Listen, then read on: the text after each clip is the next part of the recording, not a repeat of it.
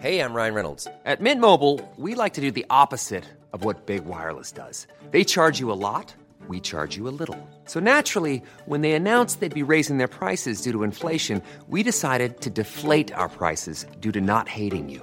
That's right. We're cutting the price of Mint Unlimited from $30 a month to just $15 a month. Give it a try at mintmobile.com slash switch. $45 upfront for three months plus taxes and fees. Promo rate for new customers for limited time. Unlimited more than 40 gigabytes per month. Slows. Full terms at mintmobile.com. Hey, it's Ryan Reynolds, and I'm here with Keith, co star of my upcoming film, If, only in theaters, May 17th. Do you want to tell people the big news? All right, I'll do it. Sign up now and you'll get unlimited for $15 a month in six months of Paramount Plus Essential Plan on us. Mintmobile.com slash switch. Upfront payment of $45 equivalent to $15 per month. Unlimited over 40 gigabytes per month. Face lower speeds. Videos at 480p. Active Mint customers by 531.24 get six months of Paramount Plus Essential Plan. Auto renews after six months. Offer ends May 31st, 2024. Separate Paramount Plus registration required. Terms and conditions apply if rated PG. Hey, Dave. Yeah, Randy. Since we founded Bombus, we've always said our socks, underwear, and t shirts are super soft. Any new ideas? Maybe sublimely soft. Or disgustingly cozy? Wait, what? I got it. Bombus. Absurdly comfortable essentials for yourself And for those facing homelessness. because one purchased equals one donated. Wow, did we just write an ad? Yes. Bombas. Big comfort for everyone. Go to bombas.com slash ACAST and use code ACAST for 20% off your first purchase.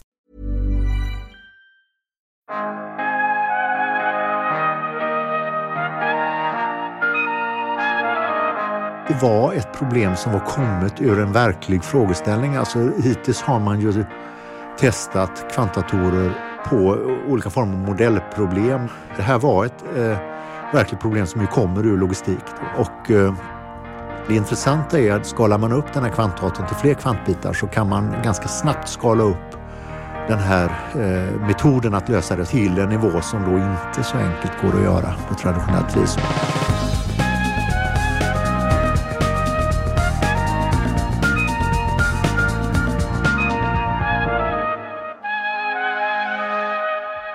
Kaffe och resekostnaderna har rasat dramatiskt under den pågående pandemin.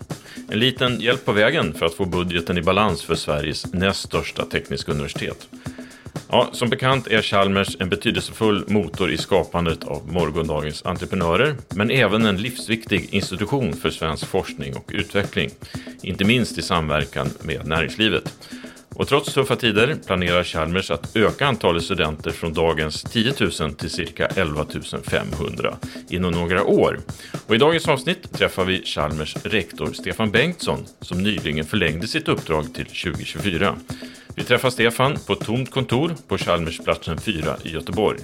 Det finns en del studenter som rör sig på området, men ingenting är sig likt jämfört med tidigare.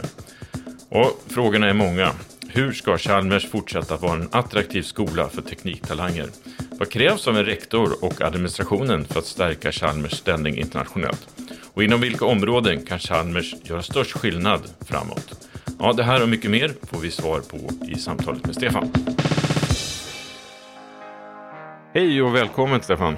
Tack så mycket, jättetrevligt att få vara med. Det är en lite kylig dag här i Göteborg. Ja, eh, ovanligt kylig får man nog säga för, för eh, hur den göteborgska vintern brukar vara. Ja, det tar fem år att tillverka en ingenjör.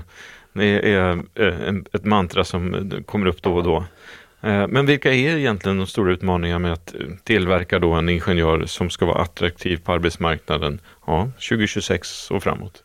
Ja, eh, 2026 så, så här, då när de går ut, då, då, då har vi kanske formeln då. Vi, vi ju ändå, har en viss erfarenhet av att utbilda ingenjörer. Den stora utmaningen är ju den snabba teknikutvecklingen framåt och frågan är vad behöver vi skicka med våra studenter? Eh, ut- och, och det jag tror är vi måste skicka med en gedigen grund och vi måste skicka med eh, en, en insikt och, och träning i att fortsätta lära. Vi kommer att eh, behöva arbeta med fort och vidareutbildning. Det måste bli, tror jag, mycket mer naturligt i framtiden att gå fram och tillbaks. Att man går tillbaks eh, och fyller på med fort och vidareutbildning.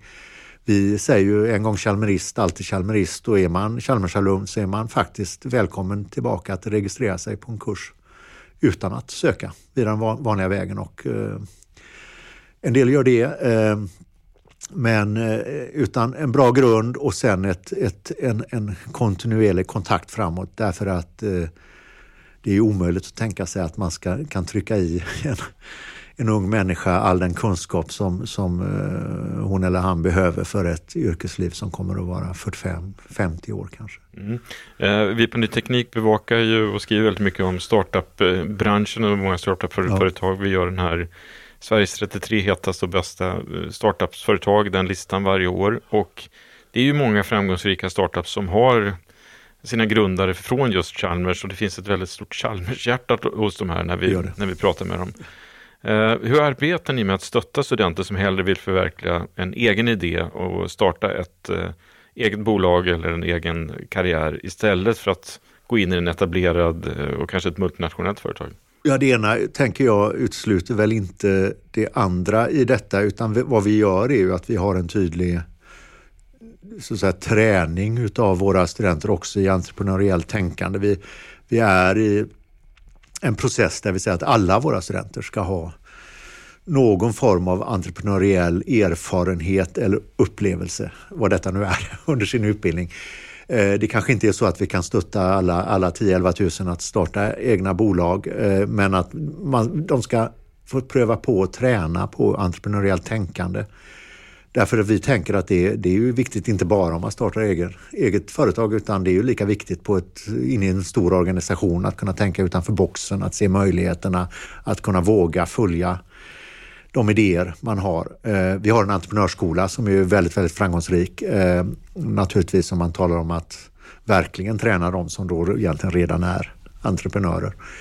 Eh, och vi, vi arbetar väldigt mycket med entreprenörskap i hela vår organisation och har gjort så länge. Vi, hela den så att säga, norra delen av vårt campus, det som är det gamla Vasa sjukhusområde, formar vi om nu till eh, eh något vi kallar e-, e-village, eh, som E är då entreprenörskap. Och det innebär att vår, våra inkubatorer i Chalmers Ventures flyttar dit och bolaget flyttar dit. Vi ska göra studentbostäder istället i, i gamla Holtermanska eh, tomten. Då. Eh, och vi har också redan Teknikens ekonomiorganisation, den, den, den så att säga, institution som ämnesmässigt är närmast och vi har eh, många andra aktörer då inom eh, entreprenörskap. Vi har startups där och vi vill locka också externa aktörer som vill arbeta i det här gränslandet. Vare sig det etablerar stora bolag eller om det är bolag som arbetar med entreprenörer att finnas i den här miljön. Så att eh, det är någonting som är väldigt djupt rotat här på Chalmers och vi fortsätter att utveckla det. Och det får ju studenterna med sig naturligtvis. Mm. Vare sig de startar ett eget bolag eller att tänker, tänker nytt i en stor organisation. Ja. Har du några favoriter bland de företag som är sprungna ur Chalmers? Nej, jag, vill inte, jag vill inte nämna eh, några sådana här. Jag kan naturligtvis eh, nämna bolag som eh, eh, där jag vet personer som jobbar, men det blir inte riktigt schysst mot de andra. Att, Nej, okay. utan, utan, det viktiga är ju att Chalmers Ventures, eh, alltså det, vårt dotterbolag som driver de här inkubatorerna, är ju eh, det är ju den eh, utan tvekan mest framgångsrika universitetsinkubatorn i Sverige. En mycket stor del av bolagen som kommit ur universitet i Sverige, universitet och högskolor, har ju kommit ur, ur Ventures och, och dess föregångare då, eh, Chalmers Innovation. Och, eh, så att det är en otroligt livaktig miljö och det fortsätter att utvecklas. Så att istället för att försöka lyfta upp ett bolag här så, så konstaterar vi att vi har en fungerande metod och, och vi är väldigt glada över entreprenörerna som kommer ur här och de som lyckas att bygga bolag och växa. Ja, jag ska göra ett annat försök för att få ut några, några, favoriter hos dig. Det är, vilka är dina favoriter bland de forsknings och innovationsnyheterna som Chalmers presenterade det senaste året? Ja, det finns ju, det finns ju många nyheter. Jag tycker att eh, någonting som ligger mig eh, så varmt om hjärtat och som är roligt därför att vi går in i ett nytt område är ju forskningsresultat som kommer i gränslandet mellan teknik och medicin. Eh, här är vi ju eh, i en snabb utveckling tillsammans med Sahlgrenska akademin vid Göteborgs universitet och Sahlgrenska universitetssjukhuset och andra aktörer. Eh, och här finns ju många spännande resultat som eh, tankestyrda proteser då, som jag vet att ni har skrivit om, eh, Max, Max eh, Ortiz Catalan som, eh, som ni har skrivit om. Och för att ta ett exempel, så, och här finns fler med eh, nanogummi som skulle kunna ersätta eh, vävnads, eh, mänsklig vävnad. Eh, vi har ju också entreprenörer i, i detta så nu håller jag på att falla i gropen här med Cellink och så vidare som ju bland annat, bland annat ur Chalmers men också ur Göteborgs universitet och, och, annat naturligtvis. Men, och så nyheten här i veckan då med kvantdatorn. Kvantdatorn förstås. Som faktiskt då löste ett problem. Ja, ett riktigt problem för första gången. Precis. Varför blev det här en sån, det blev en rätt uppmärksammad händelse? Jag tror att det beror på att det faktiskt var ett problem som var kommet ur, eh, ur, eh, ur en verklig frågeställning. Alltså hittills har man ju testat kvantdatorer eh, på olika former av modellproblem där man vet att de är lämpliga och, och, testat lite hur de fungerar. Det här var ett eh, verkligt problem som ju kommer ur logistik då, som handlar om eh, ruttplanering för, för flyg flygbolag. Och, eh, eh, och eh, det var ett väldigt enkelt problem som var två flygplan. Då, så att det gick att tänka ut det naturligtvis eh, och kontrollera det eh, rent mänskligt. Men det intressanta är det man visade att skalar man upp den här kvantdatorn till fler kvantbitar så kan man ganska snabbt skala upp den här metoden att lösa det, så vitt jag förstår det hela då till en nivå som då inte så enkelt går att göra på traditionellt vis. Och, och det är första gången man då med ett verkligt problem har visat det. Och det här är ju ett otroligt spännande projekt som ju eh, bygger på en väldigt, väldigt stark vetenskaplig miljö men som nu i, i kvantkomponenter och i kvantfysik här på Chalmers som ju nu faktiskt närmar sig tillämpningar, även om vi inte exakt vet hur de där kommer att se ut. Eh, och, och det här är ju ett, ja det vet, det vet ju du och det vet ju, men det är ett stort nationellt projekt finansierat av Knut Alice Wallenbergs stiftelse och där även KTH, Lunds ja, universitet precis. har viktiga roller. Då. Eh, ett annat område som verkligen ligger i ropet är ju hållbarhet. Ja. Eh, där det har ju forskats och gjorts väldigt mycket inom området länge, men nu är det liksom det är mycket mer synligt i, ja. i företagskommunikation, i det offentliga samtalet. Eh, vad gör Chalmers här för att bidra till och få folk att lära sig mer om det här? Ja, alltså vi har ju, alltså Chalmers för en hållbar framtid, är ju vår, det är den vision vi har och vi har haft faktiskt ett bra tag nu. Eh, och där vi arbetar på olika sätt. Eh, man kan säga för ett universitet, och det gäller Chalmers eller vilket universitet som helst, så den största effekt vi kan ha på eh, hållbar, hållbar utveckling, det är ju vår, vår indirekta påverkan. Det är vår forskning och utbildning, det vill säga att ta fram nya resultat och att förmedla det. Eh, sen är det naturligtvis så att vi också arbetar med vår direkta påverkan då, eh, för att vara trovärdiga. Om inte vi lyssnar på våra forskare så, så vem, varför ska vi begära att någon annan gör det? Så att det är mer en fråga om att ha tillit till, till vårt och förtroende för vårt sätt att arbeta. Här har vi ju väldigt omfattande forskning eh, inom olika områden. Allt ifrån energiområdet till transportsektorn, som ju, eh, transportområdet som vi ju har jättemycket forskning. Till också eh, en stark forskning kring livsmedel eh, och hållbar produktion och hållbara livsmedel. Eh, eh och, och, också i många andra områden. så att eh, här eh, har vi ett väldigt starkt fokus. Alla våra studenter eh, har hållbar utveckling eh, obligatoriskt i sin utbildning. Det ser lite olika ut på programmen hur det ser ut. Och vi uppmanar ju eh, alla våra forskare att reflektera över sin verksamhet och hur det anknyter till hållbar utveckling.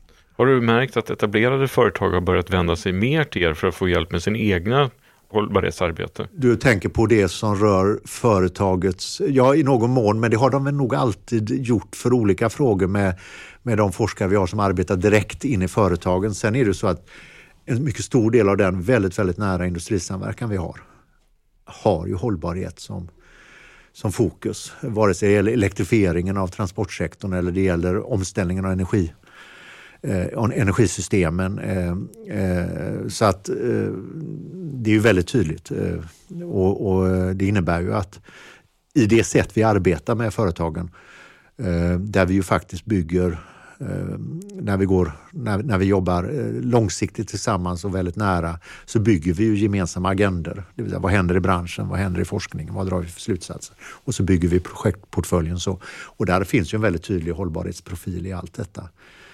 Och vad person, om jag går till dig som person, mm. vilka tror du eller vilka ser du som de stora klimatutmaningarna kommande år? Ja, de stor, den stora klimatutmaningen framåt som jag personligen ser, eh, och, man då, och då har du redan avgränsat det till klimatutmaningen då, det är ju att vi inte tillräckligt snabbt får ner eh, utsläppsnivåerna av, av klimatpåverkande gaser. Eh, så att vi kommer att passera gränser som gör att konsekvenserna blir väldigt, väldigt omfattande.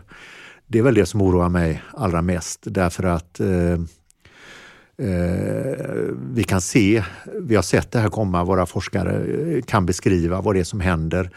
Eh, vi, man kan oroa sig för att det finns sådana här tröskeleffekter i, i, i responsen i klimatet som gör att det plötsligt rör sig väldigt snabbt.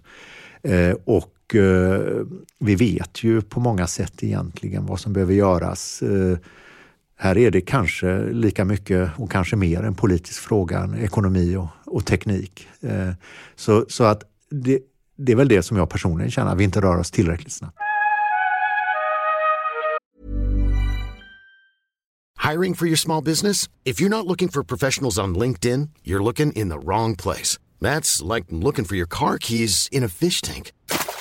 LinkedIn helps you hire professionals you can't find anywhere else, even those who aren't actively searching for a new job but might be open to the perfect role. In a given month, over 70% of LinkedIn users don't even visit other leading job sites. So start looking in the right place. With LinkedIn, you can hire professionals like a professional. Post your free job on linkedin.com slash people today.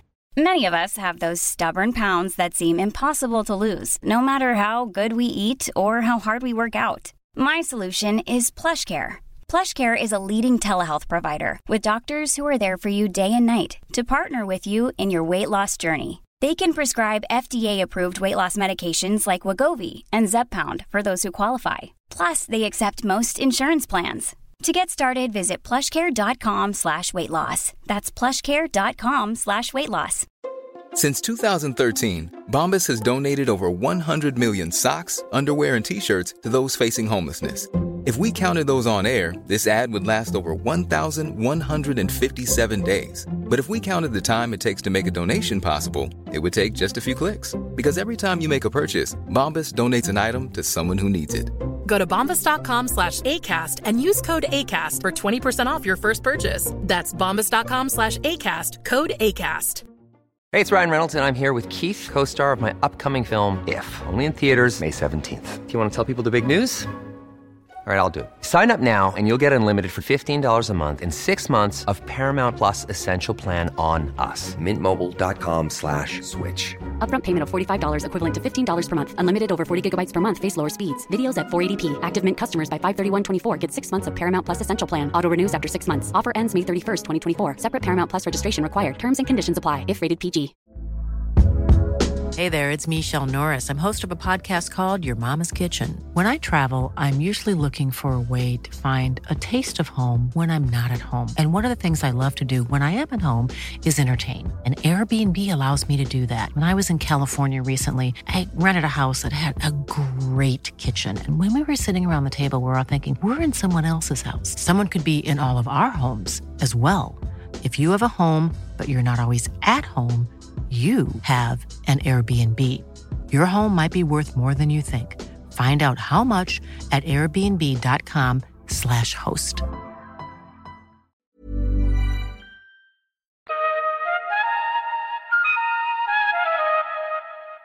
Du är ju som sagt var rektor på Chalmers. Eh, fick ju i höstas förlängt förordnande och eh, nu ska du då sitta åtminstone till 2024. Ja, just det, det, det är korrekt. Eh, även om Chalmers ju har frihet att eh, eh, ha vilka rektorsperioder vi vill egentligen eftersom vi är en stiftelsehögskola så använder vi oss av samma perioder som eh, de statliga universiteten, det vill säga det är sex år och sen så är det möjlighet till treåriga förlängningar. Så att det är korrekt. Jag till sommaren har jag suttit sex år och eh, ja, det finns då ett styrelsebeslut om en förlängning i tre år och det, det känns ju bra. Och vad vill du åstadkomma under de här eh, tre åren då? Ja, det handlar ju alltså fortsätta eh, bygga Chalmers eh, och att bygga den kombination av eh, akademisk kvalitet i utbildning och forskning och förmåga att arbeta med omgivande aktörer, med näringslivet inte minst, men också med andra aktörer, att arbeta över olika former av gränser och därmed att nyttiggöra vår kunskap. När jag kom som rektor så identifierade jag tre utmaningar och de gäller ju fortfarande för Chalmers. Vi har ett bra vetenskapligt genomslag, men det kunde vara ännu bättre. Så det är ett fokus. Vi eh, har en, en utmaning kring jämställdhetsfrågan. Den behöver vi arbeta med och vi eh, är ett eh, som rekryterar studenter eh, relativt, eller väldigt skevt får man säga, ur, ur socioekonomisk bakgrund. Och att göra Chalmers till ett attraktivt lärosäte för alla begåvade unga eh, så att det inte finns trösklar. Det är en sån sak som är identifierade. Så att de tre utmaningarna ligger kvar men eh, det handlar ju mycket om att helt enkelt se till att Chalmers fortsätter att vara eh, vetenskapligt ledande och relevant. Men har du de, de här tre då fokusområdena, har ni gjort framsteg under de åren som ni har jobbat med det? Då? Vi klättrar i citeringsstatistik och vi eh, arbetar ju stenhårt med eh, jämställdhetsfrågan. Eh, vi har kommit en bra bit på väg. Den som största utmaningen vi har är studentrekryteringen fortfarande och den, den behöver vi nog rikta mer uppmärksamhet på. Ni skriver så här om er själva. Med vetenskaplig excellens som grund utvecklar Chalmers kompetens och tekniska lösningar för en hållbar värld. Eh, kan du ge exempel på hur ni lever upp till den här devisen? Ja, det, är, det är ju vårt arbetssätt kan man säga eh, som vi har som handlar om att eh, för ett universitet är det naturligt att eftersträva högsta möjliga kvalitet i utbildning och forskning. Det måste man göra, annars är man borta. Vi säger att det räcker inte, vi måste arbeta tillsammans med andra, vi måste arbeta utmaningsdrivet och vi måste arbeta med, med de stora utmaningarna och därför så arbetar Chalmers i en matrisform. Vi har styrkområden som går på tvären. Och de formar då plattformar för vår industrisamverkan. Och, eh, vi arbetar på det här sättet. Det innebär att vi kopplar samman alla våra forskare på olika sätt mot utmaningar. Ta energiutmaningen. Vi har eh, bortåt 400 personer som arbetar på olika sätt med energifrågor och där ligger ju alldeles uppenbart effekter utav det här arbetet. Så att eh, om jag är abstrakt så är svaret så. Sen gör vi extremt konkreta saker där vi är unika. Vi använder vår stiftelseform. Vi äger ju till exempel eh, testanläggningen Asta Zero ihop med RISE. RISE är majoritetsägare och vi är minoritetsägare som ju är eh, en testanläggning för autonoma fordon. Vi gör likadant för elektriska fordon nu med Swedish eh, Electromobility Laboratory där vi tillsammans med RISE går in som ägare och samarbetar direkt med fordonsindustrin för att eh, stödja transformationen av industrin på de sätt vi kan göra. Vi gör det genom forskning och utbildning förstås, men vi kan också ta andra roller och det gör vi då i de här eh, exemplen. Men du, hur har Chalmers förändrats under pandemin? Vi har gjort en intervju med Sigbritt Karlsson som är eh, rektor på KTH och den stora förändringen var att alla som jobbar, mm, liksom, som, som har ett yrke och jobbar här, de hade slutat resa. De, ja.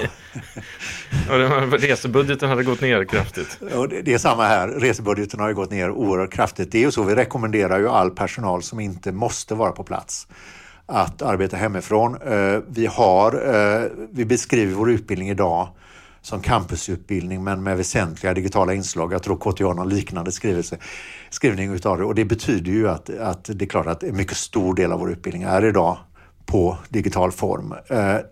Dock har vi ju eh, olika utbildningsmoment laborationer och annat på, på campus. Då. Vi har ju också forskare som använder våra forskningslaboratorier och då är det schemaläggning och det är riskanalys från ansvariga chefer för att och riskbedömning för att se till att hålla isär så vi inte är för många i lokalerna samtidigt. Så, att, så är det och, och det innebär ju, ja du såg ju här, det finns en del studenter och de har, eh, lokalerna är ju tillgängliga, de är låsta men tillgängliga för medarbetare och studenter. Och, Ehm, eh, eh, som sagt, inga konferensresor. Eh, eh, eh kaffebudgeten har gått ner några miljoner och liknande saker. Det kom ut en nyhet här i i förra veckan tror jag det var, då Uppsala universitet eh, skulle då försöka mm, att man skulle kameraövervaka på något sätt fuskande distansstudenter. Eh, är det här någonting Chalmers också tittar på? Hur vi, man ska...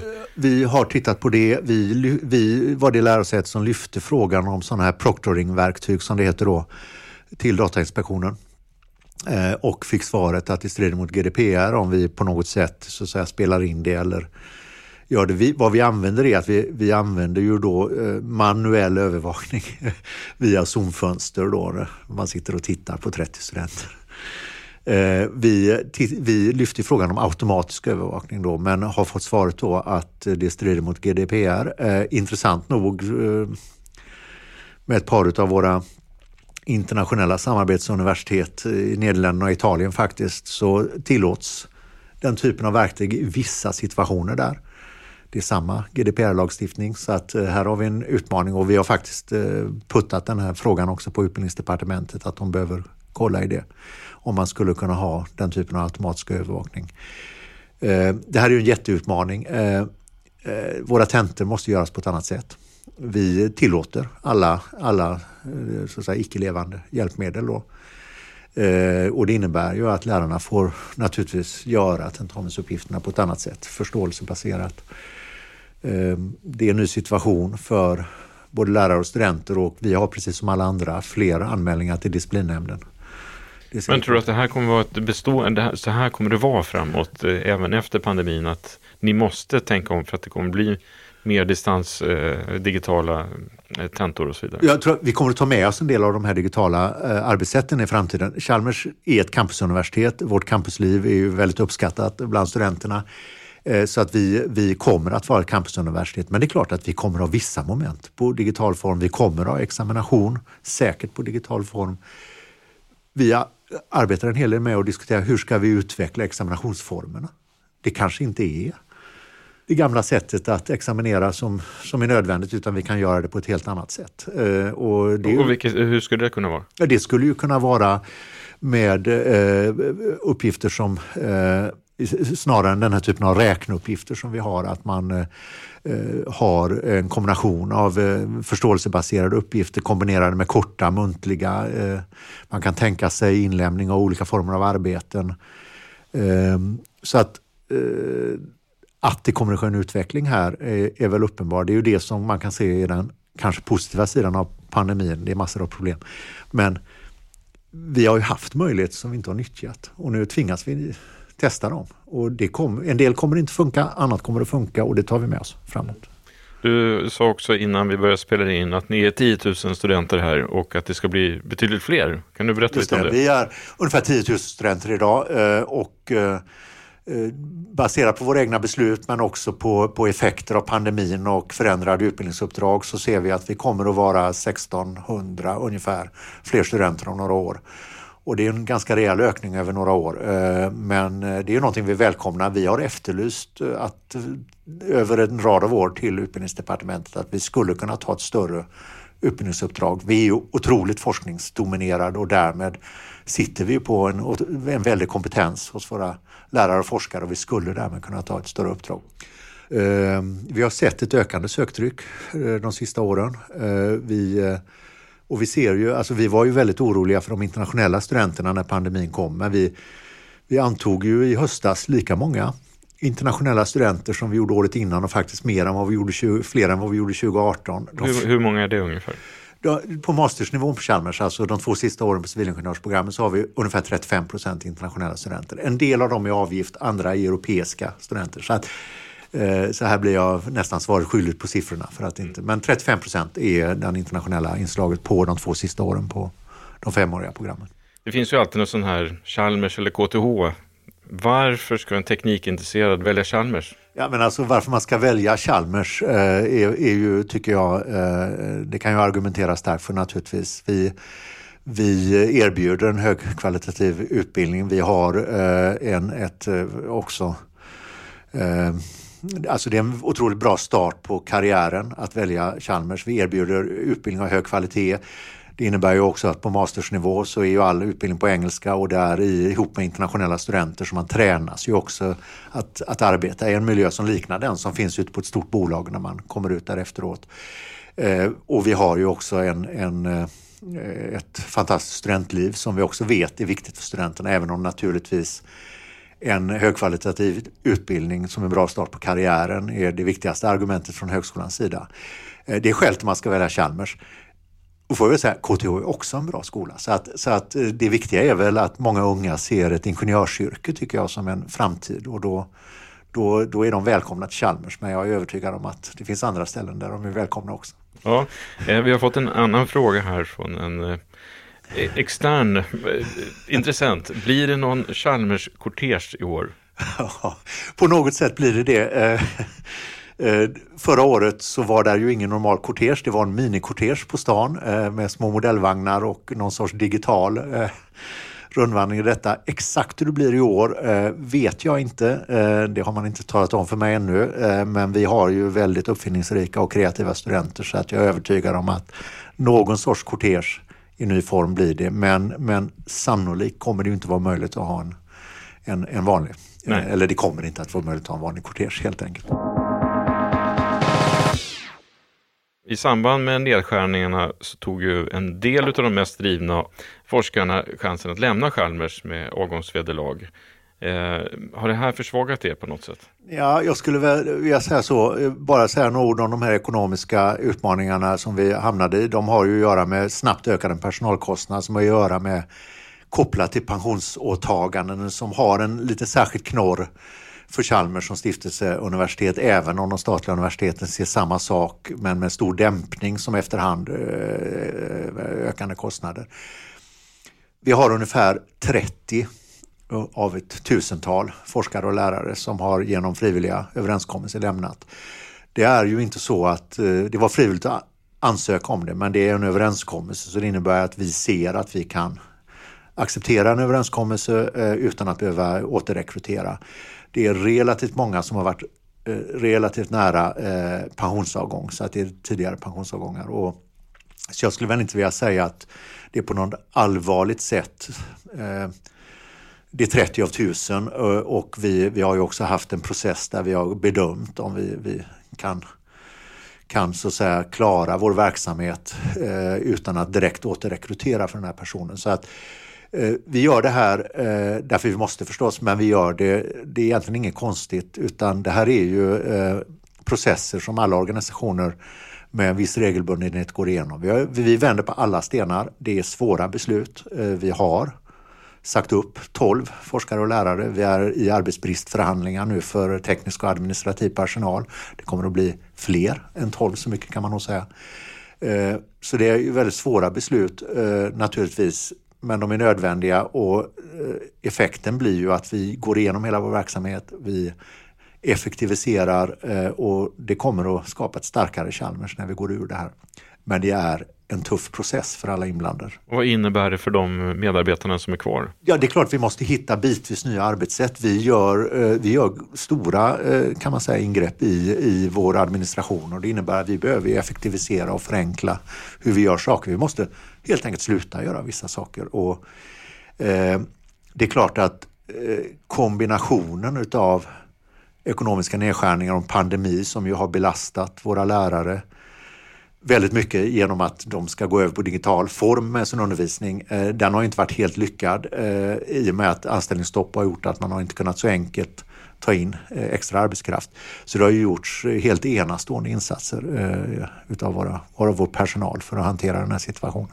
Tycker du att staten borde investera mer i utbildningar inom teknik och vetenskap? Ja, eh, absolut. Vi, vi har ju, ett, eh, vi har ju ett, eh, en stor brist på ingenjörer i samhället. Sen klart att det där är bitvis konjunktur, konjunkturberoende och så vidare, men generellt kan man säga att vi står ju med stor sannolikhet inför ganska omfattande omställningar av vårt samhälle och därmed av vårt näringsliv, inte minst på grund av, av den digitala utvecklingen, artificiell intelligens och allting annat. Eh, och om Sverige inte investerar sig in i det här så kommer vi att tappa eh, nyckelföretag, vi kommer att tappa eh, vårt lands förmåga att hänga med. Så jag tycker absolut man ska göra det. Och nu kan man säga Ja, man har byggt ut utbildningen nu som en effekt av pandemin. Det är ett naturligt steg och, och det, det, är bra. Vi har en forskning och innovationspolitisk proposition som innebär mer resurser till forskning. Eh, den innehåller dock en del strukturella problem med, med eh, hur ekonomin läggs ut som riskerar att leda till att man långsamt eroderar möjligheten att bedriva världsledande forskning där den idag är världsledande utan att för den skull skapa nya sådana förutsättningar någon annanstans. Det där oroar mig en hel del. Svenska lärosäten faller ju faktiskt på de internationella rankinglistorna. Ja. Eh, är det viktigt för Chalmers att klättra på de här listorna? Ja, det är, det är viktigt. Så här, vi, vi säger så att rankinglistans position i sig är inte någonting som vi styr efter för det kan leda, är ganska tokiga riktningar. Däremot så är det alldeles uppenbart att man måste förhålla sig till de här listorna och man måste eh, så att säga eh, välja lite grann vilka listor är viktiga. Då är det så att en del av de här listorna Ta Shanghai-listan om vi tar utav de stora, den som brukar slarvigt kallas så. Den är ju till exempel väldigt volymsberoende. Där kan Chalmers aldrig tävla. Vi är ett litet universitet globalt sett. Eh, hur vi än, även om vi är 10 000 studenter så är det ju ingenting. Och, utan den lista vi ser utav de tre stora som vi tittar på är QS. Och där eh, kan man säga att vi ligger idag kring 130 plats. Det är lite upp och lite ner. Vi har klättrat under nästan 100 positioner på 10 år där och där ser vi att där är realistiskt att sätta målbilden topp 100. Och den har ni satt? Ja, den, den är lite halvinformellt satt, men den, är, den kommer att bli satt. I ditt huvud är den satt i alla fall? Ja, och den kommer att bli satt. Ja. nu avslöjar jag det här. Ja, det är bra. Och varför faller svenska lärosäten? Ja, de faller en del i citeringsstatistik. Jag skulle vilja säga att här ligger det jag var inne på förut. Här ligger utmaningar i hur den svenska forskningsfinansieringen ser ut. Den är väldigt fragmenterad. Den är konkurrensutsatt till stor del, vilket är bra. Men all konkurrens, alla konkurrensutsatta medel kräver med och samfinansiering på ett eller annat vis av lärosätet. Och när man ligger då som Chalmers som är bäst i klassen, eh, eh om man nu kan säga så, i landet med att växla upp vårt fasta basanslag forskning med konkurrensutsatta medel. Så att ungefär tre fjärdedelar av vår forskning är finansierad på konkurrensutsatta medel. Då har vi väldigt stora problem att svara upp mot de här med och samfinansieringsreglerna och det är likadant på, på de andra enfakultetsuniversiteten i landet. Eh, och tittar man på en del jämförbara länder, eh, Danmark, Nederländerna, så har de en bättre utveckling och de har också ett forskningsfinansieringssystem som ser annorlunda ut. Det här, det här, det här är, som sagt, det här oroar mig. Ja, eh, jag vill börja närma oss slutet. Jag tänkte att du kunde kanske plocka ut eh, två, tre stycken innovationer som du eh, vill se ska utvecklas här, som du liksom säger, det här vore jävligt bra om vi gör. Alltså, det finns utmaningar i energilagring och det behöver inte bara vara batterier utan det finns många andra, många, många eh, många tekniker där. Där finns, en, eh, där finns ju spännande forskning. Eh, Kasper Mott Paulsson också som lagrar solenergi i, i kemiska bindningar då, som gör att man kan plocka ut värme även långt, långt efteråt och även dra nytta av mer diffus solstrålning. Så energilagringsfrågan eh, eh, är ju definitivt en sådan eh, om man ska tala om hållbar utveckling då. Eh, och den underlättar ju också för elektrifiering framåt naturligtvis. Vi har eh, hållbar eh, vad ska man säga, odling av mat. Eh, där, behöver, där behövs det. Vi har en växande befolkning på jorden. Vi måste hitta hållbara sätt att producera mat, nyttig mat för, för den växande befolkningen. Så det är ytterligare ett, ett exempel på innovationer man skulle vilja se. Tack så mycket. Tack för att jag fick vara med. Tack för att du har lyssnat på det här avsnittet. Gör som tusentals andra och klicka gärna på prenumerera så missar du inget avsnitt. Har du synpunkter på innehållet så får du jättegärna mejla till redaktionen nyteknik.se. Vi hörs nästa vecka. Hej då!